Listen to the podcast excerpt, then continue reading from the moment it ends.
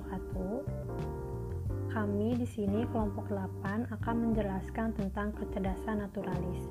Adapun anggotanya yaitu Nada Safira Zahra, Rani Utami, dan Desiana Nurul Rohmah. Di sini saya Nada Safira Zahra akan menjelaskan pengertian kecerdasan naturalis. Kecerdasan naturalis ditandai dengan keahlian membedakan anggota-anggota suatu spesies, mengenali eksistensi lain, dan memetakan hubungan antara beberapa spesies baik secara formal maupun informal. Ciri-ciri orang yang memiliki kecerdasan naturalis yaitu yang pertama, seseorang yang optimal kecerdasan naturalisnya cenderung menyukai efektif dalam menganalisis persamaan dan perbedaan. Contohnya menyukai tumbuhan dan hewan. Yang kedua, mengklasifikasi flora dan fauna, yang ketiga menemukan pola dalam alam, yang keempat mengidentifikasi pola dalam alam, yang kelima melihat sesuatu dalam alam secara detail, yang keenam meramal cuaca, yang ketujuh menjaga lingkungan, dan yang terakhir mengenali berbagai spesies dan memahami ketergantungan pada lingkungan. Anak yang cenderung cerdas dalam naturalis tampak sebagai penyayang binatang dan tumbuhan. Kecerdasan mereka dapat diidentifikasi melalui observasi terhadap yang pertama, kesenangan mereka terhadap tumbuhan, bunga-bungaan, dan kecenderungan merawat tumbuhan seolah-olah berbicara dengan tumbuhan. Yang kedua, sikap mereka yang sayang terhadap hewan peliharaan. Yang ketiga, kemampuan mereka dalam mengenal dan menghafal nama-nama atau jenis binatang dan tumbuhan. Yang keempat, kesukaan anak melihat gambar binatang dan tumbuhan, serta sering mengajukan pertanyaan. Yang kelima, pekaan terhadap bentuk tekstur dan ciri lain dari unsur alam seperti daun-daunan, bunga-bungaan, awan, dan batu-batuan. Dan yang terakhir, kesenangan anak terhadap alam, menyukai alam terbuka seperti pantai, tanah lapang, kebun, sungai, dan sawah. Dari selanjutnya yaitu Anak-anak dengan kecerdasan naturalis tinggi cenderung tidak takut memegang-megang serangga dan berada di dekat binatang. Sebagian besar anak berusaha memenuhi rasa ingin tahunya dengan cara bereksplorasi di alam terbuka.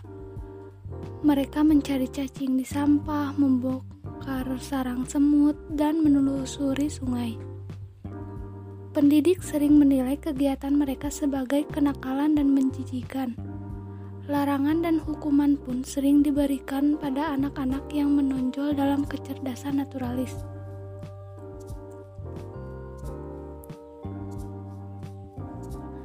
Pendidik yang cerdas akan membawa anak-anak didik mereka ke alam terbuka, menyediakan materi-materi yang tepat untuk mempertimbangkan kecerdasan naturalis, seperti membiasakan menyiram tanaman, menciptakan permainan yang berkaitan dengan unsur-unsur alam, seperti membandingkan berbagai bentuk daun dan bunga, mengamati perbedaan tekstur pasir, tanah, dan kerikil, mengoleksi biji-bijian, dan menirukan karakteristik binatang tertentu.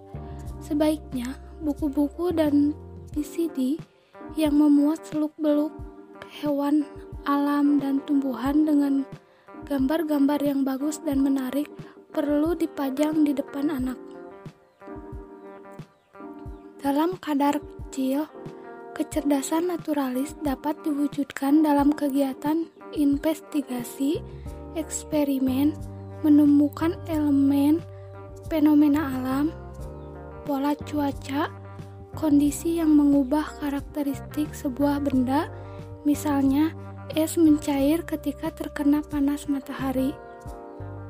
Kecerdasan naturalis memiliki peran yang besar dalam kehidupan pengetahuan anak mengenai alam, hewan, dan tumbuh-tumbuhan dapat mengantarkan mereka ke berbagai profesi strategis seperti dokter hewan, insinyur pertanian, perkebunan, kehutanan, kelautan, ahli farmasi, ahli geodesi, geografi, dan ahli lingkungan. Kecerdasan naturalis ini lekat dengan tubuh kembang anak. Otak anak bekerja mengenali pola, menangkap persepsi sensor melalui seluruh paca inderanya, dan melakukan kategorisasi objek tertentu. Dengan kecerdasan yang dimilikinya ini, anak akan menjadi lebih peka terhadap hal-hal yang ada di sekitarnya.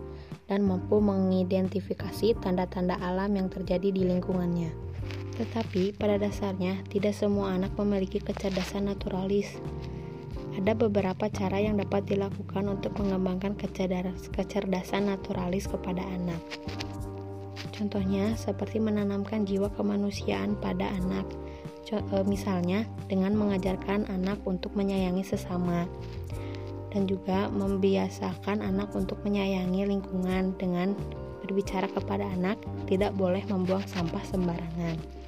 Mengajak anak untuk menanam pohon atau tanaman lain di sekitar rumah mengajak anak berjalan-jalan di alam bebas seperti tujukan beberapa spesies tumbuhan dan binatang kepada anak mengajari anak untuk menyayangi dan merawat binatang peliharaan. Jika di rumah anak memiliki binatang peliharaan, memiliki binatang peliharaan, sebaiknya orang tua memberitahu seperti sayangilah binatang itu, eh, kasih makan, rawatlah dia. Yang terakhir, mengajari anak untuk mempelajari peristiwa alam seperti gunung meletus, banjir, gempa, bumi, dan bencana alam lainnya. Jadi, kecerdasan naturalis menjadi penting untuk diserangsang sejak dini guna masa depan anak yang lebih baik, sebab akan menjadi sia-sia jika anak memiliki prestasi akademik yang baik namun tidak bisa bersikap ramah terhadap alam sekitar. Mungkin cukup sekian penjelasan kecerdasan naturalis dari kelompok 8. Wassalamualaikum warahmatullahi wabarakatuh.